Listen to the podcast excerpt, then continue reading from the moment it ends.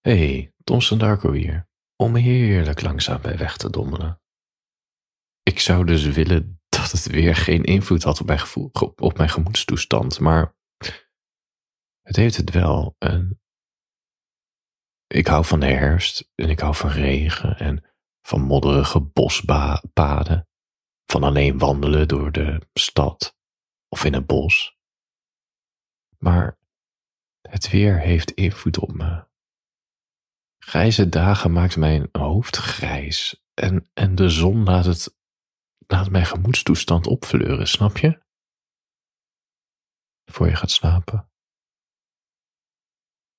Toen de psycholoog zei dat ik depressie had, waar ik, waar ik, waar ik enorm van schrok.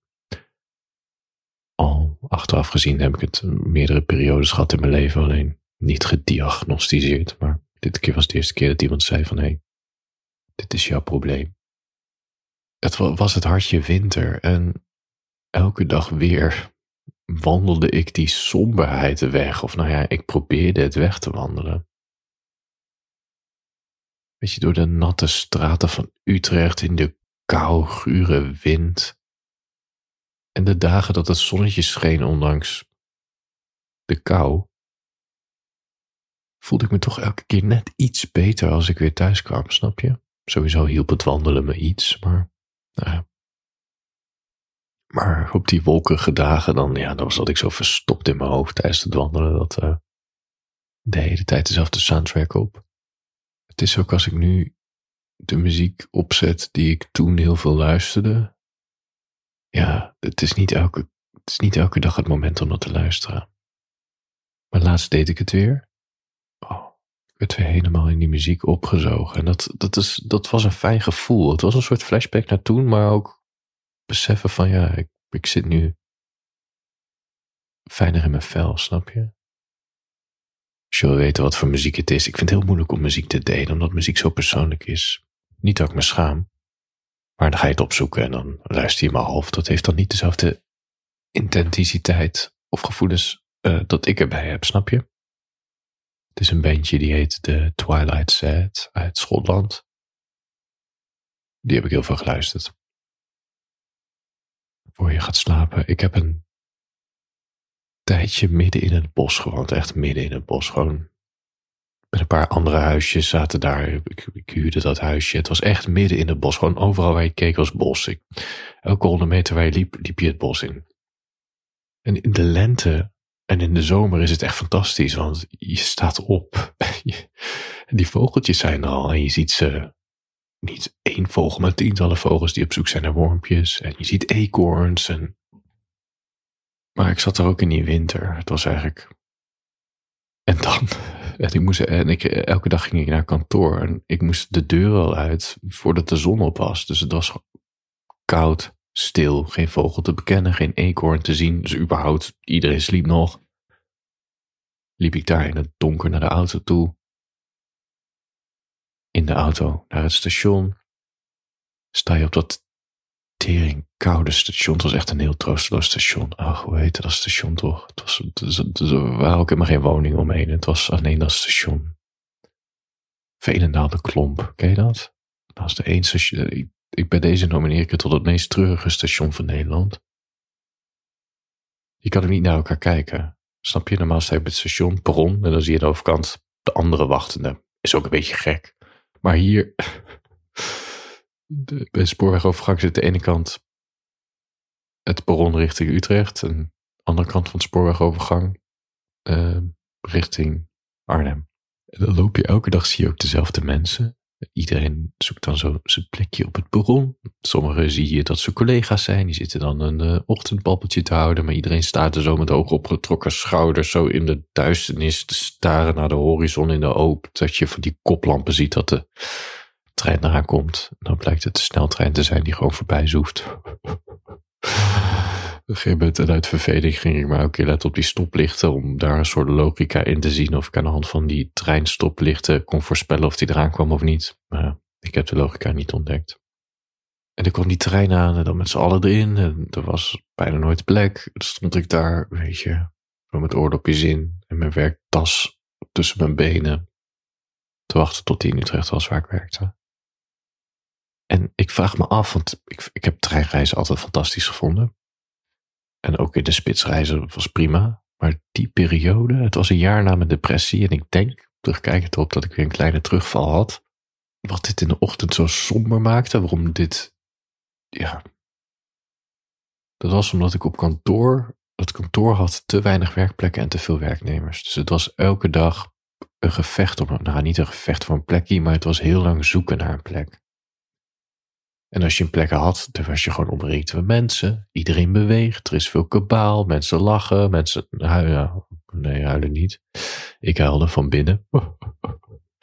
Gewoon aan al die geuren. Het was gewoon te veel prikkels. Er was nergens een plek om eventjes alleen op te laden en eventjes tot rust te komen. En als ik dat kantoor weer uitstapte, was het alweer donker. En dan zit je weer met z'n allen in die trein. En dan weer in die auto. En dan weer naar het bos toe. Wat fantastisch was. Maar het is al donker in het bos. Dus je ziet de schoonheid van de boompjes niet. Het huisje was ook nog. Het was een houten huisje. Dus het had geen isolatie. Dus als ik thuis kwam. Nou ja, thuis tussen aanhalingstekens. Was het gewoon 10 graden. 10 graden. En dan zet je al die radiatoren aan en dan fikte je binnen een uur fikte je dat houten huisje weer totdat het te warm werd. Oei, oei, oei. En thuiswerken was ook nog geen optie. Dit was allemaal net voor corona. Het was geen optie om. Sowieso werd het niet echt. Ja. Het was gewoon niet fijn om daar te werken. Ik had geen bureau. De bank die ze daar hadden, kon je niet op zitten. Ik kon gewoon nergens werken. Verschrikkelijk. En het internet was kut. Het weer bepaalt gewoon je gemoed, snap je? En ik snap ook wel dat in dat bos, juist met die, ja, ik denk die terugval van de depressie die ik net, waar ik net van af was, dat het, weet je, dat versterkt, het versterkt het allemaal. Het als ik goed in mijn vel zat, dan was het allemaal fantastisch. Of neutraal, maar nu was het beladen, snap je? Beladen. Voor je gaat slapen. Ik werkte, ik ben mijn blog begonnen om, uit verveling. Ik werkte op een callcenter. En elke keer tussen de, gesprekken door met klanten zat ik mijn blog te schrijven. Psycho Killer, verhalen over Charlie, ondergrondse feestjes, waar ik in 2011 mee ben begonnen. En daar heb ik mijn internet fame soort van aan te danken. En dat callcenter van het bedrijf, dat had vier kantoren. Uh, Utrecht, daar werkte ik. Arnhem, dat was de grootste. Uh, Zwolle. En nog een kleine, kleine afdeling in Lelystad. En ja, je, weet je, dat soort dingen voel je gewoon aan. Vier kantoren onderhouden. Het is ook niet goed voor de afstemming. soort van. Ja, dat is altijd zo'n gelul van je moet elkaar zien om samen te werken, is onzin. Maar dat was het argument. Kortom, ze gingen locaties sluiten. En eerst was het Zolder die dichtging. En toen Lelystad. En uiteindelijk moest ook Utrecht aangeloven. Eerst was nog dat Arnhem moest sluiten. Dat ze alles naar Zwolle wilden halen. Maar dat is best gek dat je de grootste afdeling sluit. En dan in de hoop dat je de hoop hebt dat iedereen, weet je, die in de, in de regio van Arnhem woont, dat die dan zin hebben om een uur lang in die auto te zitten. En het is een callcenterbaan, hè? weet je, en alles wat ermee te maken had, weet je, back-office en storingsdiensten, incassodiensten. Die kunnen ook gemakkelijk een nieuwe baan in de regio vinden. Die zijn niet zo per se gebonden aan dit kantoor. De, ja. Dus ja, tot inzicht kwamen ze ook dat die mensen natuurlijk niet mee gingen vuizen naar Zolder voor een plezier een uur, anderhalf uur van hun leven opofferde voor een callcenterbaan. Ja, dan, zoek je wel een andere uh, werkgever op. Dus Utrecht werd gesloten. En ik kan me nog zo goed herinneren dat een van die teamleiders zei van, nou ja, prima dat het sluit, maar managers, weet je, ze zaten dus onder en daarboven zaten alweer wat, wat managers. Want doe het in ieder geval in het voorjaar als de zon weer gaat schijnen, want nu, Kijk, iedereen, niemand heeft er zin in dat sluit. Iedereen zit in de weerstand. Er is een hoop gemopper. Er is een hoop vooroordelen over alle mensen in Arnhem, want die sporen niet. Weet je, zoals dat gaat in een bedrijf, elke regio, dat, uh, ja, dat, dat is de vijand. Die snappen ons niet. Ja, allemaal onzin, maar goed. Die teamleiders zei, ja, als je in de winter overgaat. En dus elke dag in het donker in je auto moet stappen en je bent al zo gefrustreerd en je vindt het oneerlijk. Daar, word je gewoon heel down van. Het is gewoon niet goed voor de mens om in het donker te reizen naar Arnhem, waar je ja, weer even helemaal opnieuw moet beginnen, bij wijze van. Je doet nog steeds hetzelfde werk, maar ja, nieuwe omgeving, andere collega's. Nou ja, drie keer raden wat de managers met haar advies deden. Precies. Het feit was dat ik al, uh, al wat dingen deed in Arnhem, dus voor mij veranderde het niet zo heel veel. Behalve dat ik opeens al mijn Utrechtse collega's in Arnhem zag, wat ook weer kortsluiting gaf. Maar goed, het is, ja, het is wel zwaar, weet je. Donker, het weer, de kou. Het heeft invloed, snap je? Het heeft echt meer invloed dan je denkt. Voor je gaat slapen. Ze zeggen wel eens dat als je slaapproblemen hebt, dat, dat je waarschijnlijk te weinig zonlicht uh, in de ochtend hebt uh, gepakt. Dus als je heel veel moeite hebt met in slaap vallen, probeer in de ochtend bij het opstaan zo snel mogelijk naar buiten. Het gaan echt naar buiten om zonlicht te pakken. Zodat je biologische slaapsysteem, weet ik veel, die biologische klok even een goede impuls krijgt met de juiste aanmaak van stofjes. Voor je gaat slapen. Ik besef me net dat ook de zomer, zeggen die zon, dat het ook heel veel invloed kan hebben op je gemoedstoestand op een andere manier. Volgens mij is een van mijn eerste spraakberichten van uh, het gaat over de, de eenzaamheid in de zomer, maar dat is meer dat de stad leeg is en het idee dat je iets mist. Ik ben eens een keer op voetbalkamp gegaan. Ik kan me nog heel goed herinneren, ik was tien jaar, omdat uh, het EK voetbal bezig was. En dan zo'n bijgebouw werd zo'n wedstrijd uitgezonden. Volgens mij Engeland, Zwitserland of zo. Ik wilde heel graag mee. En ik had, ik had het idee bij het woord voetbalkamp dat we daar gingen voetballen. Dus het was met de voetbalvereniging waar ik bij zat. En echt, nou, ik denk wel honderd jongeren of zo gingen we daar naartoe. Dus, dus dat hele weekend niet gevoetbald, dat was heel jammer. We gingen survivalen en um, vlotten maken. En de speurtocht in, in het donker. We sliepen in van die legertenten waar iedereen zijn eigen luchtbedje mee had. En ik kende wel wat mensen van de voetbalclub die ook wel in mijn klas zaten, maar ik vond weinig aansluiting. Want die waren druk met hun andere vrienden. Het weekend heeft zo lang geduurd, of misschien was het door de week, maar dat kamp heeft voor mijn gevoel zo lang geduurd. Vooral omdat een paar gasten het op een of andere manier op mij, op mij voorzien hadden. Ik kan me nog goed herinneren, achter die tent had je een soort heuveltje waar je zo op kon klimmen, wat een beetje bosachtig gebied. En ik weet niet, daar liep ik te dwalen, denk uh, om de tijd te doden of zo. En je zag dan op de grond allemaal van die rode mieren lopen. En zo'n gast die kwam bij me zitten op de hurken met een stokje een beetje spelen met die mieren. In het begin deed hij heel aardig, weet je hoe heet je, uh, interesse tonen. Ik dacht, oh, wat een aardige gast. En opeens draaide zijn, zijn uh, houding naar mij toe. Hij ging die rode mieren zo opvangen op dat stokje. En dan ging hij het zo, zo wapperen naar me toe, zodat die mieren op mijn uh, huid vielen. Zo vreemd. Hoe jongens kinderen kunnen zijn.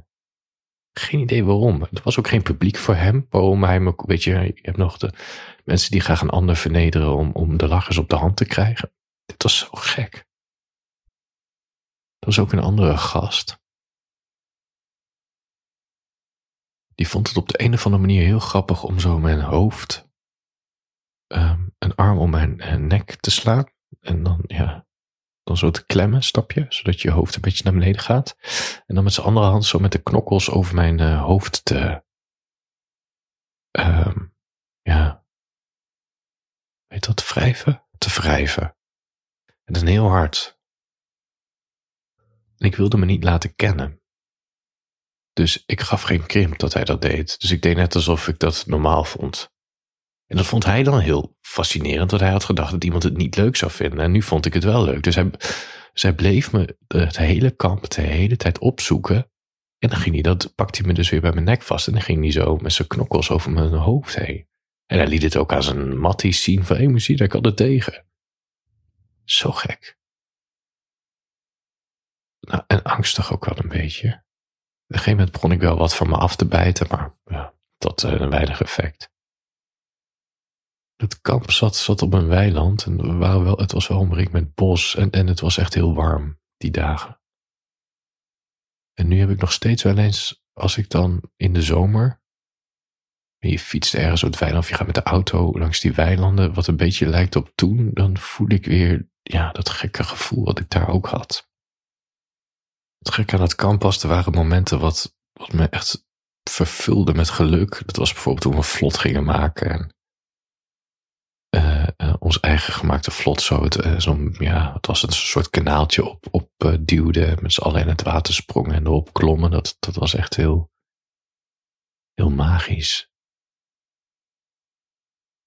Maar dat getreiter van die jongens en de verveling en weinig aansluiting hebben met de anderen. En er werd ook niet gevoetbald, terwijl ik dacht, we zijn een voetbalkamp, dan moeten we toch voetballen.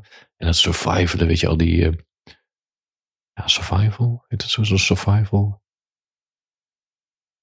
Dat je zo'n parcours af moet.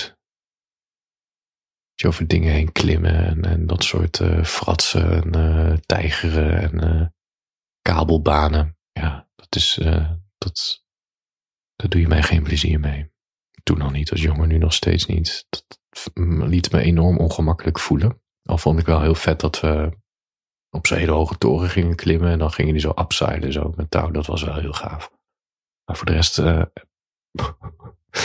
dat ongemakkelijke gevoel dat ik toen had, heb ik nog steeds. Als je me meeneemt naar een vrijgezellenfeest en we gaan klimmen. Dus de, nou ja, dan voel ik dat ongemak van. Ik vind de hoogte niet fijn, ik voel me niet fijn in mijn lijf. Ja voor je gaat slapen. Ik ben dus niet zo'n klager over het weer, omdat je geen invloed hebt op het weer. Weet je, of het nou vriest of dooit. Hittegolf is of niet. Ik, ik probeer me eraan aan, aan over te geven. Me gewoon aan te passen. Maar zo stoïcijns, hoe ik ermee omga, zo stoïcijns is dus niet mijn gevoelstoestand. En het heeft nog best wel lang in mijn leven geduurd. Ik dacht altijd van nou, hoe ik het weer trotseer van nou ja, boeien, ik pas me wel aan. Ik klaag niet, klaag is voor losers. Weet je, dat niveau. Kwam ik pas later erachter hoeveel invloed dat heeft op mijn gemoedstoestand. Dat een grijze dag, en als, je, als je al een beetje down voelt, dat, dat het elkaar versterkt. Als je lekker in je vel zit en het zonnetje schijnt, dat je dan nog vrolijker wordt. Of als je down bent en het zonnetje schijnt, dat je toch een beetje opfleurt, snap je? Ja, ik denk dat dat ook volwassen worden is. Inzien wat de externe factoren voor invloed op je hebben. Ja. Ik ben heel benieuwd hoe jij dit uh, hebt. Wat de invloed van een grijze dag op jouw gemoedstoestand is. En of je liever wegrent van hete zomers of juist intens gelukkig bent als het heel heet is. Als je wil reageren op dit spraakberichtje, kan me gewoon appen of mailen. Dat staat in de show notes. Ik zou het leuk vinden als je reageert. Of je bent dan in slaap gevallen. Dat is nog beter. Handjes boven de dekens. Slaap lekker.